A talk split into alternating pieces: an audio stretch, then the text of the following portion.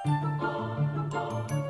navn er Oleivind Sigrud, og med meg i studio i dag så har jeg Jeanette Bø og Tore Haugland Hei. og Magnus Johansen. Ubrukelig. Dyrets tegn i fanen, altså. Ja. ja. og jeg er enig i at det er en veldig spennende idé. Molekyler med rare navn. Populærvitenskap i Labdidab. Du er enig. Uillustrert vitenskap.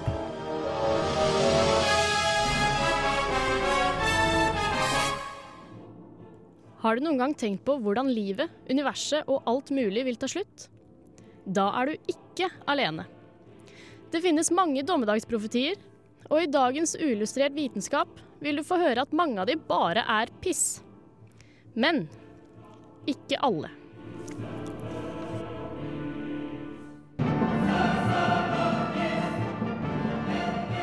Hey, this is Phil Plate from Bad Astronomy, and you are listening to Unillustrated Science on Radio Revolt because science is awesome. Hei, hei. Good afternoon, peasants. du hører på Uillustrert vitenskap på Radio Revolt, og som jeg tror du fikk inntrykk av i stad, eh, så har vi i dag en dommedagssending. Yeah. Og med meg i studio har jeg selvfølgelig han som sa yeah. Det er eh, Ole Eivind Sigrud Hei, hei. og Turi Haugland. Hallo! Tekniker igjen. Yeah. Eh, vi vil eh, snart få høre et eh, aldri så lite intervju med fyren du hørte en liten snutt av i stad. Men først så skal vi spille Droop E med I'm Loaded featuring E40.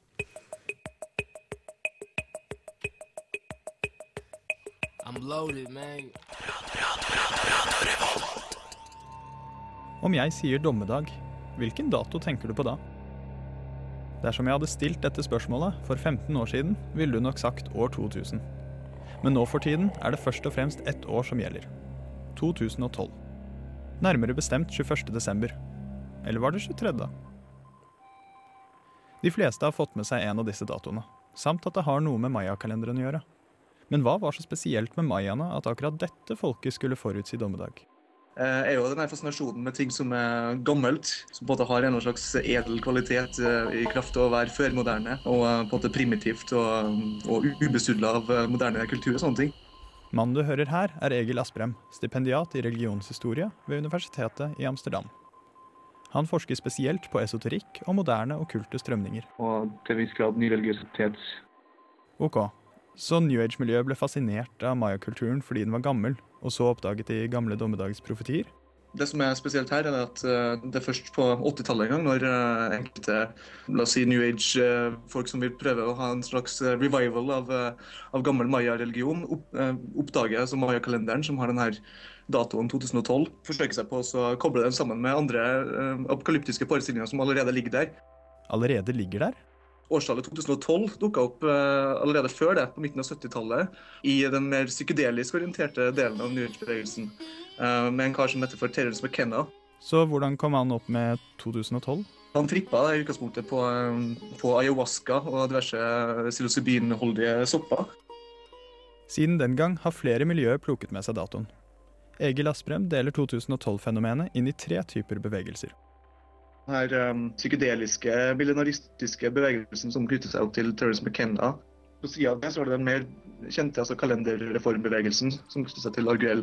Typisk for begge de to uh, retningene er at de stort sett har en uh, si, positivt syn på hva som skal skje i 2012. Altså, det dreier seg ikke så mye om uh, altså, verdens undergang, men like så mye om altså, et slags tusenårsrikes komme. ikke sant? Altså, den klassiske millenaristiske forestillingen om at ting skal bli så meget bedre en tredje retning, som er den her mer kataklysmisk orienterte survivalist-bevegelsen. Det er denne siste bevegelsen som tror på dommedag i den forstand de fleste av oss oppfatter dommedag. Du skal få en reversering av det magnetiske feltet på jorda. Du skal få kataklysmiske vulkanutbrudd og, og jordskjelv og plateforskyvninger og det ene med det andre. Ja, nå snakker vi. Men det er ikke alle som synes det er like kult. F.eks. de nyåndelige.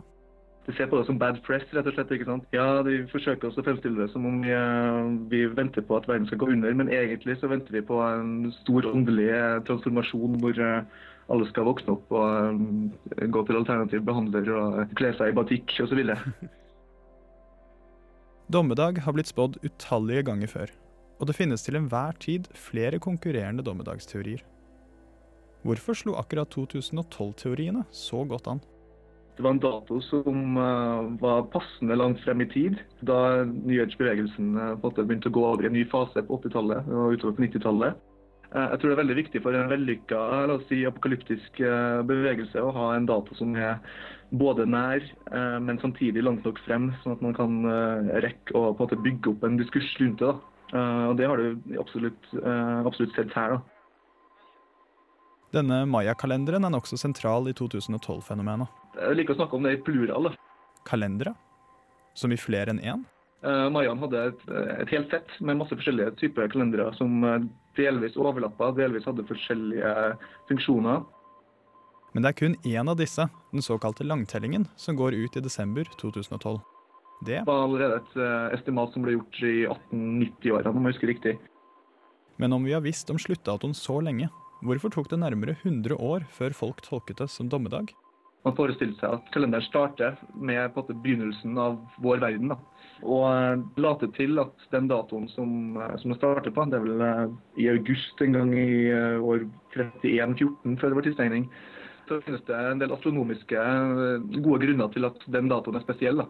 Det var altså starttidspunktet som var viktig for mayakulturen. Sluttdatoen fulgte rett og slett kun deres nokså innviklet kalendersystem. Det virker i hvert fall slik.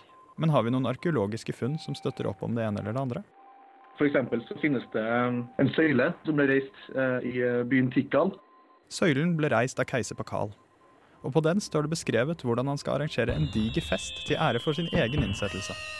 Det er noe sånn som 80 kalenderrunder etter at han ble, han ble innsatt som keiser. da. I vår kalender blir datoen 21. oktober, år 4772. Keiser Pakal i alle fall eh, hadde ikke noe problem med å se for seg at eh, det kunne holdes en gedigen fest eh, over 2000 år etter verdens undergang. Så hva vil religionshistorikere gjøre 23.12.2012? En kollega har foreslått at vi burde holde en, en konferanse om temaet dommedag. Og det flotte da er jo at du kan få folk fra hele verden til å komme, for man behøver bare kjøpe billett én vei. Radio Revolt. Yes, det var uh, Ole Eivind sitt intervju med Egil Asprem. Eh, og i begynnelsen av intervjuet så, så, var det to datoer. Det var 21. desember og 23. desember. Hvorfor er det to? Ja, eh, nei, De fleste som tror på disse dommedagsteoriene her, da, de mener jo at det er 21. desember, altså vintersolverv. Fordi hvor fantastisk er ikke det at jorden ender på nettopp vintersolverv? Så det bare passa fint? Ja, det bare passer fint. Men uh, så, som han nevnte i uh, intervjuet der, da, eh, så er det mer startdatoen av kalenderen som er viktig. Eller i hvert fall så vidt vi vet, da. Så det gir mer mening da, at det var starttidspunktet som var viktig. Og så ser man da tilbake på hvordan de forskjellige himmellegemene lå på det starttidspunktet. Og da finner man ut at ja, da var det antagelig den dagen som var starttidspunktet. Um, og eh, det, ja, den startdatoen vil føre til at eh, sluttdatoen blir på 23.12., altså lille julaften. Så flott. Det blir hyggelig jul. Faller nesten, Men, nesten sammen. Jeg var nesten litt skuffa over at ikke alle som tror på det her 2012-dommedagen, ikke tror at det skal bli sånn at det kommer en stor sprekk i bakken som åpner seg rett bak bilen din mens du kjører i 300 km i timen og rekker akkurat å hoppe gjennom en bygning i flammer. Eh, hvorfor, hvorfor, tror ikke alle på det? Nei, eh, det er jo faktisk de færreste som tror det, dessverre. Det er, det er gjerne de man hører om, men eh, de aller fleste som eh, tror at det vil på en måte være en slags dommedag av et eller annet slag, de tror jo ikke på en sånn type dommedag. De tror mer på at det blir en eller annen eh, ja, omveltning. Eh, enten blir det ja, vi får økt bevissthet, vi når et uh, høyere spirituelt nivå. Og så har du konspirasjonsteoretikere som er sånn at ja, ved 2012 så da vil de makten bak makten på en måte endelig gripe makten. Og da vil det være for langt. så de er jo for så vidt litt med på dommedagsmåten, men heller ikke på den, den katastrofiske måten. da. Mens du har jo en liten gjeng, da, sånn som eh, de har nevnt, sånn survivalist-folk som uh, går ut i skogen, finner seg et eller annet sted som de mener dette her stedet her, det vil være trygt, og så ham hamstrer de inn hermetikk. Og jeg så det i, i 2012-filmen. Ikke sant? Det er han gale mannen i campingvogna. Det er, det, de fins på ordentlig. Eh, det det fins på ordentlig, men, eh, men eh, ja, de aller aller fleste de er mer new agere, som eh, har en mye mer sånn happy-clappy eh, versjon da, av dommedag. Vi skal få mer eh, dommedagsteorier, men først så skal vi få høre The Radio Department med The New Improved Hypocrisy Hypocrisy! Veldig bra.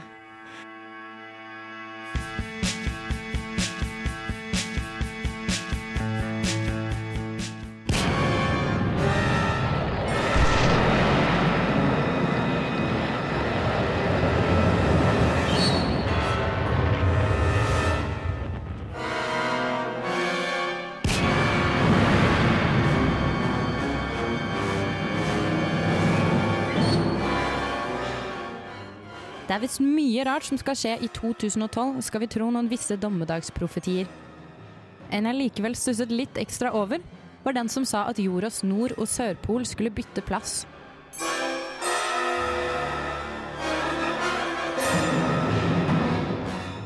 Det kunne visst også skje når som helst.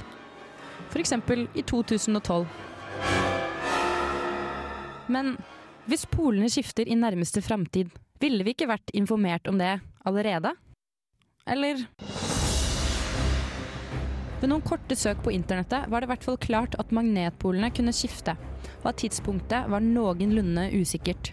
Noe som selvfølgelig gjør polskiftet til en perfekt dommedagsprofeti. For hva er vel ikke sikrere tegn på dommedag enn trekkfugler som plutselig trekker nord?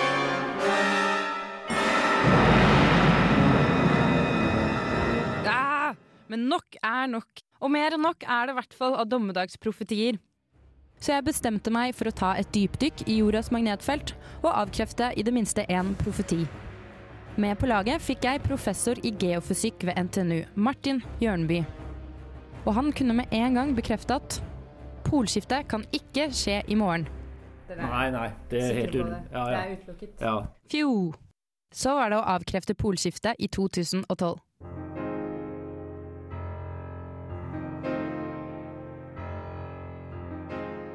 Men det er selvfølgelig ingen lett forklarlig teori bak hvorfor polskifter skjer.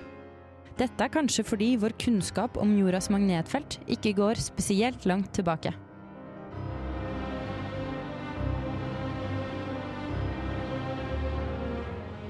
Jordas nordpol ble først lokalisert i 1831 av James Ross, nord i Canada.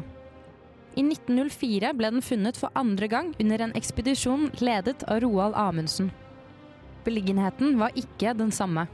Flere polekspedisjoner fulgte i løpet av 1900-tallet, og det ble klart at jordas nordpol stadig var i bevegelse, samtidig som at styrken på magnetfeltet ble svakere og svakere. Var feltet i ferd med å forsvinne? Og hvor var Nordpolen på vei? Ulike teorier ble skapt for å forklare noe som virket som et mer og mer komplisert magnetfelt. Teorien om polskifter var en av mange, og kom for første gang allerede i 1904. Men lite forsto man egentlig om magnetfeltet før 1949, da en ung Jan Hosper dro fra Cambridge til Island for å samle inn lavaprøver. Professor Martin Jørnby fortalte meg mer om sin forgjengers historie. Og han kom som ung student i 1949 til Cambridge. Resten til Island. Og så tok han eh, prøver av eh, lavaen på Island. Og så målte han magnetfeltet.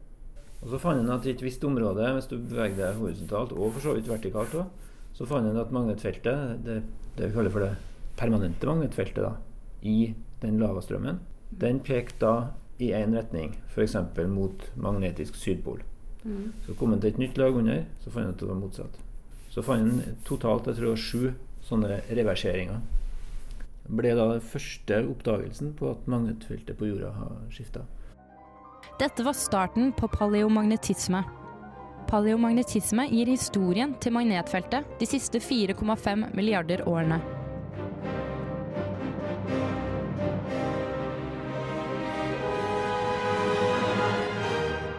Lavaprøvene viste en rekke egenskaper ved magnetfeltet man aldri hadde sett før. Annet at polene kunne skifte med ujevne mellomrom. Jan Hosper fant ut at siste polskifte var for 780 000 år siden. Før polskiftet var det en klar nedgang i magnetfeltets styrke, Noe vi òg, ifølge professor Jørnby, har hatt de siste århundrene. Så har vi hatt på ca. 100 år, bare fra 1900 til 2000, så er det vel en ca. 10 skal vi se, Litt over 10% svekking, da. Men med svekket felt og århundretusener siden forrige polskifte, er det ikke tilstrekkelig grunn til å tro at et polskifte kan skje i 2012?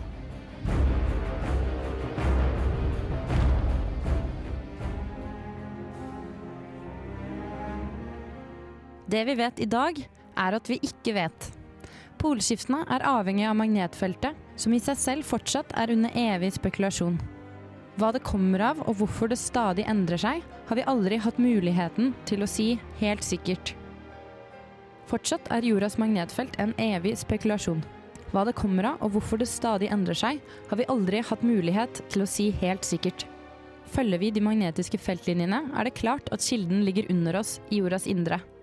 Men dessverre er det ikke bare å bore seg ned de 6371 kilometerne og se hvordan ting står til. Den ledende teorien i dag er basert på målinger av polene og kunnskapene tilegnet fra paleomagnetismen. Teorien sier at feltet dannes og endres av bevegelsene på den ytre kjernen. Så la oss gå til jordas indre.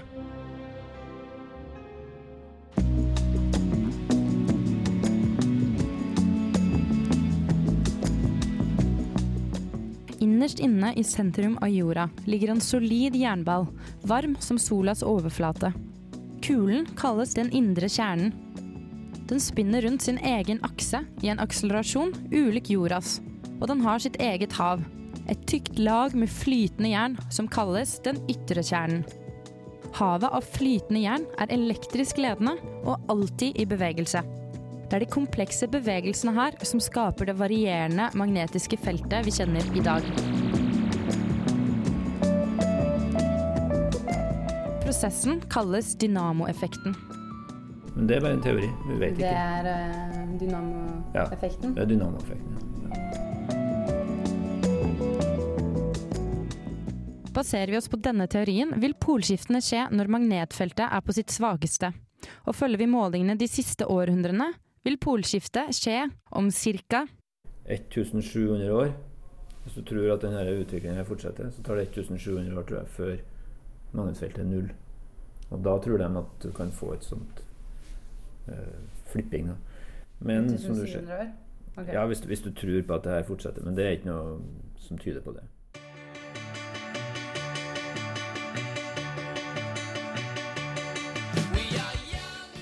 Så vi er langt unna et polskifte.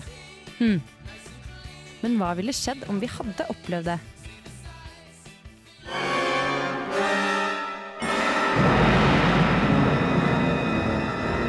Det de tror skjer når det begynner å nærme deg et sånn minimum, da, når det her magnetfeltet svekkes For det har, det har pågått i mange hundre år nå, altså. Det er en jevn svekking. Så tror de at i stedet for at du får en, en sånn vanlig dipol, at det blir en kvadrupol. Så at magnetfeltet blir mye mer komplekst. da. Og da, er klart, da begynner fuglene å bli forvirra. Så det blir en sånn kvadropol eller oktopol. Men da sier du at magnetfeltet er null? Det, da, da blir det veldig svakt, i hvert fall. Ja. Det blir aldri helt null. Så det, alle teoriene peker vel på at, at du får en nedgang mot Og så snur det, og så øker det på igjen. Gradvis. Å, stakkars fugler. Ja ja. Yay, vi overlever! Ha den, dommedagsprofeter!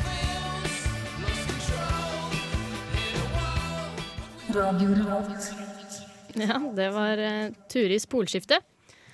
Uh, hvor jævlig vil egentlig et uh, polskifte være for oss? Det er jo det vi ikke vet, da. Uh, jeg tror vi menneskene antageligvis ikke ville merket det eh, biologisk av oss selv. Men jeg vet jo at vi bruker jo magnetfeltene i f.eks. når vi går tur. Ja, det blir jo veldig sære kompass. Ja, fordi vi tror at det hadde blitt eh, flere poler da, samtidig i flere tusen år under et polskifte. Så da kan du ikke lenger bruke da magnetfeltlinjene til å orientere deg. Og det her hadde vi antageligvis sett hos en del dyr også, som bruker magnetfeltene, eller feltlinjene da, til å finne fram. For eksempel frosker bruker da, mener man, eh, feltlinjene til å finne, eh, finne veien til havet. Det ville de kanskje ikke gjort. Kanskje de ville hoppet inn i hverandre. Og fugler også. Kanskje de ville flydd inn i venger, vegger. Men igjen så, eh, så kommer jo det her til å vare i type 1000 år. Så det som er interessant å se, da, er har dyr, dyrene da mulighet til å på en måte tilpasse, deg, tilpasse seg feltlinjene? Mm. Eller vil de bare fly inn i vegger? Ja, i eh, den eh, fantastisk vitenskapelig nøyaktige katastrofefilmen eh, The Core, eh, som er veldig relevant i denne sammenhengen, der ser man jo magnetfeltet det forsvinner, tror jeg faktisk. Eh, og da flyr alle duene inn i vegger og inn gjennom ruter og inn i biler og inn i folk og sånne ting. Eh, det filmskaperne glemte der, er jo at fugler har jo fortsatt øyne. Eh, så jeg tror neppe de på en måte bruker magnetfeltet på å manøvrere seg fra sånn én meter til en annen. Um, men det vil jo kanskje by på litt problemer eh, på lang, sånne lange distanser, da. Ja, de ville jo må, måtte ha en mulighet til å finne fram fra nord til sør, da, på en annen måte. Eh, Hvaler òg har jo eh, pleier å reise veldig lange distanser, og de mener også at de følger da feltlinjene. Så for at de skal komme seg dit de skal komme for å pare, eller dit de skal komme for å finne den riktige maten på den riktige årstiden, så må de også lære seg å tilpasse seg. Mm. Men som du sa, så er jo denne prosessen såpass treg da, at i sånn et dyrs livstid så vil jo ikke magnetfeltet variere noe særlig. Selv om på, i løpet av noen tusen generasjoner så vil det variert kraftig, f.eks. Mm. Um, og da er jo spørsmålet er det på en måte biologisk innprentet at de skal den retningen, eller er det noe de lærer når de er unge og følger med på de eldre generasjonene? I så fall så vil jo kanskje de tilpasse seg greit, da. Kanskje. Ja, kanskje. Jeg vet Men ikke det, hvordan det er. vi vet ikke helt uh, hvordan da uh, Altså, den evnen deres, hvor den ligger, da. Er det noe de lærer av foreldrene sine? Er det Nei, noe som er, ligger biologisk til grunne? Det er da selvfølgelig noen som studerer det her, men det er ganske ungt studie. Eh, som jeg nevnte da i reportasjen, så har de jo bare studert Så har vi bare studert med magnetfeltet de siste 200 årene. Og det har eksistert i 4,5 milliarder år, så det er veldig, veldig vanskelig å se hvor, hvor det kommer inn da, i vår biologiske prosess. Ja, Men eh, ja, det ser i hvert fall ut som nå at eh, det største problemet vi vil få, er å tegne feltlinjene. Eh, men eh, jeg har lovt bort et intervju, og det skal vi få etter The Roots med How I Got Over.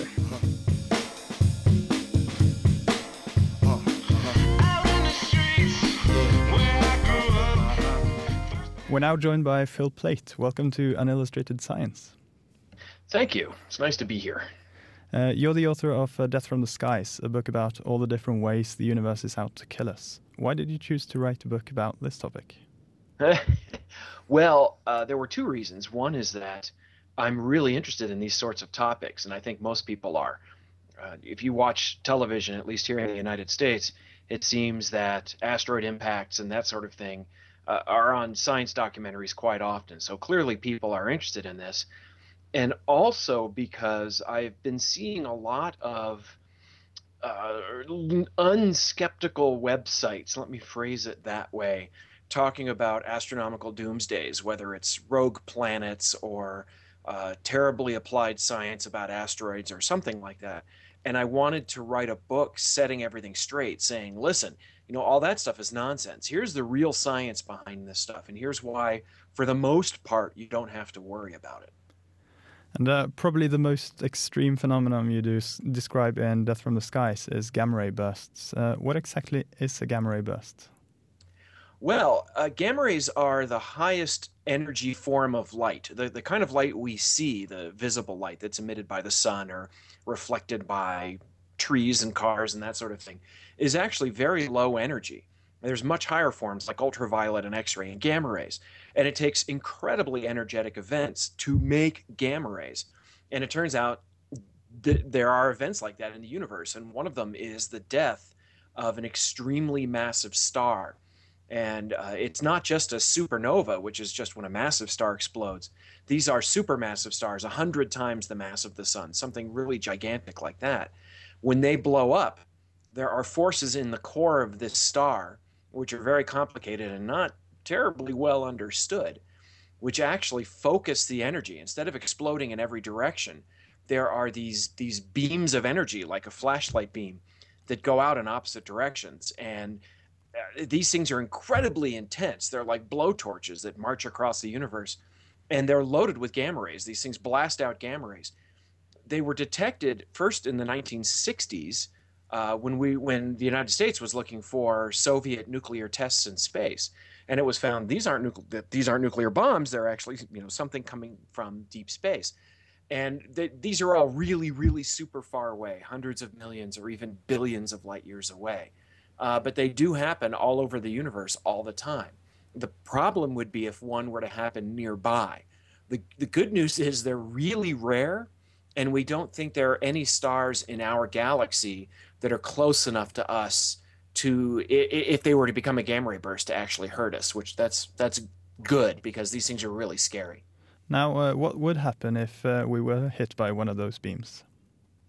well you know i'll say it again there to make it more clear we're hit by these beams all the time. It's just that they're so far away you need a powerful telescope to detect them at all. Just like up close a car headlight might be blinding but from you know 20 or 30 kilometers away you can you, you can't even see it. But if one of these things were close enough the amount of energy packed into this beam is is millions of times the amount of energy the sun gives off. So I, I calculated that if one were 100 light years away which is very close in galactic terms uh, it would it would almost literally set the earth on fire. It would be like detonating millions of, of nuclear weapons all over the earth.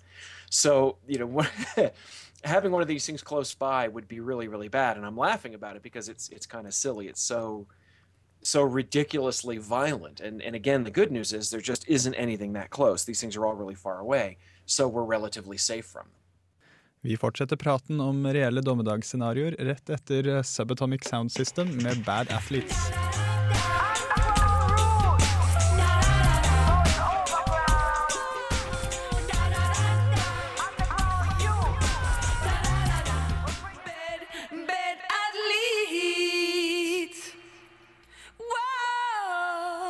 Over to a uh, somewhat less terrifying but more likely scenario uh, asteroids. Should we be worried? Uh, it's funny that you would use the word worried. I, I tell people we should be concerned, but not worried. And, and the distinction being when you're worried about something, you're sitting there going, oh my gosh, what are we going to do? Whereas when you're concerned about it, you say, well, you know, this is something we should be paying attention to. What can we do? And so I'm concerned about asteroid impacts. We're, but we're doing something about them. The first step is finding these asteroids that can hit us. And there are telescopes out there uh, which are scanning the skies. In fact, there's a new prototype of a telescope called PanSTARRS. It's a telescope that can survey the entire sky very rapidly. And it just found its first potentially hazardous asteroid, an asteroid that the orbit of which crosses that of the Earth. And this thing isn't that much of a danger. It's small and uh, it doesn't cross paths with us for another 88 years. And even then, it may miss.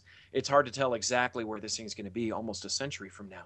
But this telescope could find thousands of these objects. So we know they're out there. We have to find them first. Once we find them, we have to identify which ones are the most dangerous, which ones are potentially going to hit the Earth, do a lot of damage sometime soon, like in the next, say, 20, 30, or 40 years.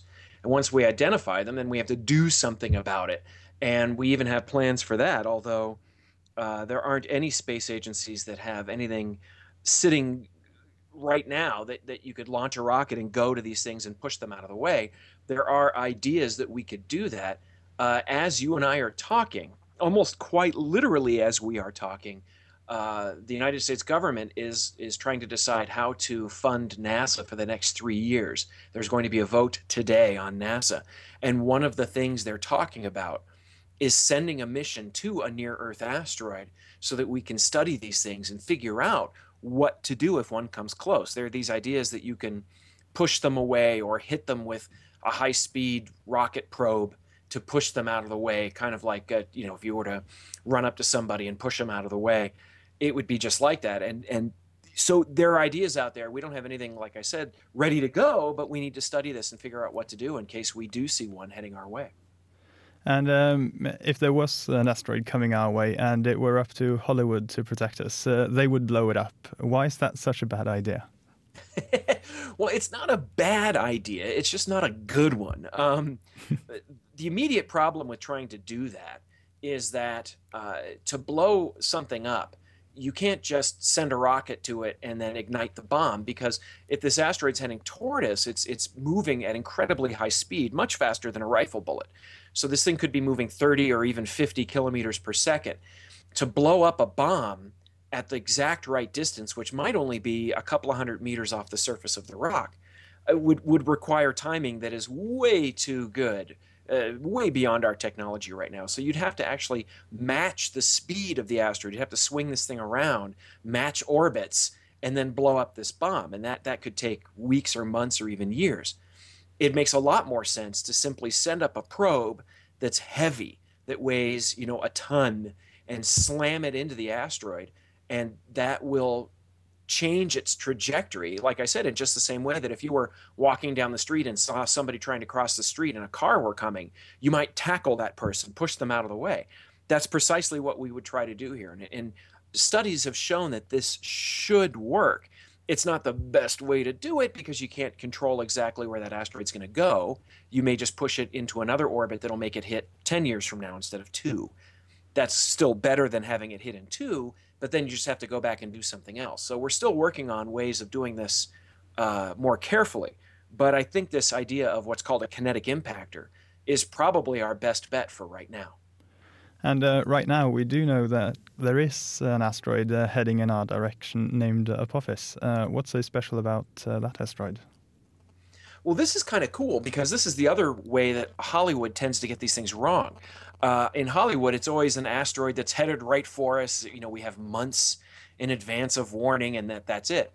In fact, uh, Apophis shows us that that's not really correct. This is an asteroid that's probably 200 meters across, so it's it's decent sized asteroid. If it were to hit, it would do a huge amount of damage. It would blow up like a, a 50 or 100 megaton bomb, which would be devastating if it landed anywhere near uh, a habited region of the Earth. And it's an asteroid that's on an orbit that's very similar to the Earth's. It, it takes uh, just about a year to go around the sun, but not quite. And so basically, every seven years, this thing passes near the Earth. And by near, I mean maybe a few million kilometers. Well, in 2029, it's actually going to have a very close pass to the Earth. And the gravity of the Earth is going to change the orbit of this asteroid a little bit. And if, if the asteroid passes in just exactly the right spot in space, seven years later, it will hit us. Now, if it just misses to the inside or the outside of this region of space, which is called a keyhole, uh, you can think of it as like a bullseye in space. If this thing misses the keyhole, the Earth Earth's gravity won't bend it quite the right amount, and it'll just miss us in seven years. But if it passes through the keyhole, bang! In, thir- in 2036, it'll hit us. So uh, we're keeping a pretty close eye on that. Right, right now, the odds look like it's less than one in a million that it will pass through the keyhole and hit us in 2036. That's pretty good odds. I'm not terribly worried about Apophis. But this is a great example of something that is big enough to do damage that is going to pass close to the Earth. It's going to raise a lot of awareness about this problem. And so I'm actually kind of glad this is happening. We're not in any real danger from it, but it will wake a lot of people up that, that this is something we should be looking at. And um, for our listeners uh, who want to hear more of you, uh, where can they go? like I'm not talking enough. um, if you want to find me online, it's easy. You can just look me up under my name. I've been on the web since 1993, so it's not hard to find me. But I write for uh, the American science magazine Discover. And if you search for my website, Bad Astronomy, uh, you'll find me. And if you get Discovery Channel, and I'm not sure uh, what's happening in Europe for Discovery Channel, but there's a TV show I'm working on called Bad Universe. And the first episode, we talked about asteroid impacts.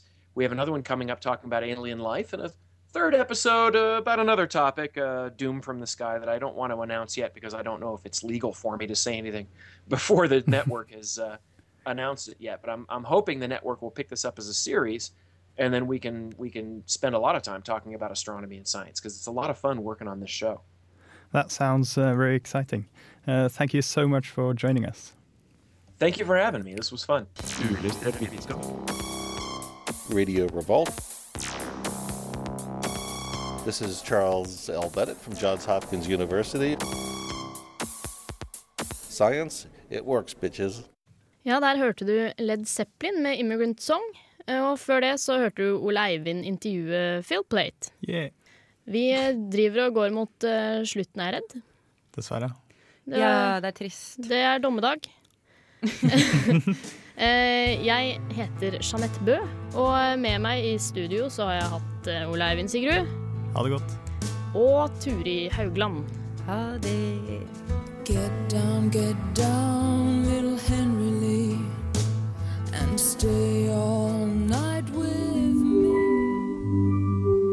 Uillustrert vitenskap er Midt-Norges eneste teknologimagasin på lokalradio. Og vi snakker om alt fra populærvitenskap til sære forskningsprosjekt ved NTNU. Radio Revolt, studentradioen i Trondheim, er stolt av å kunne presentere podkaster fra de aller mest populære programmene våre.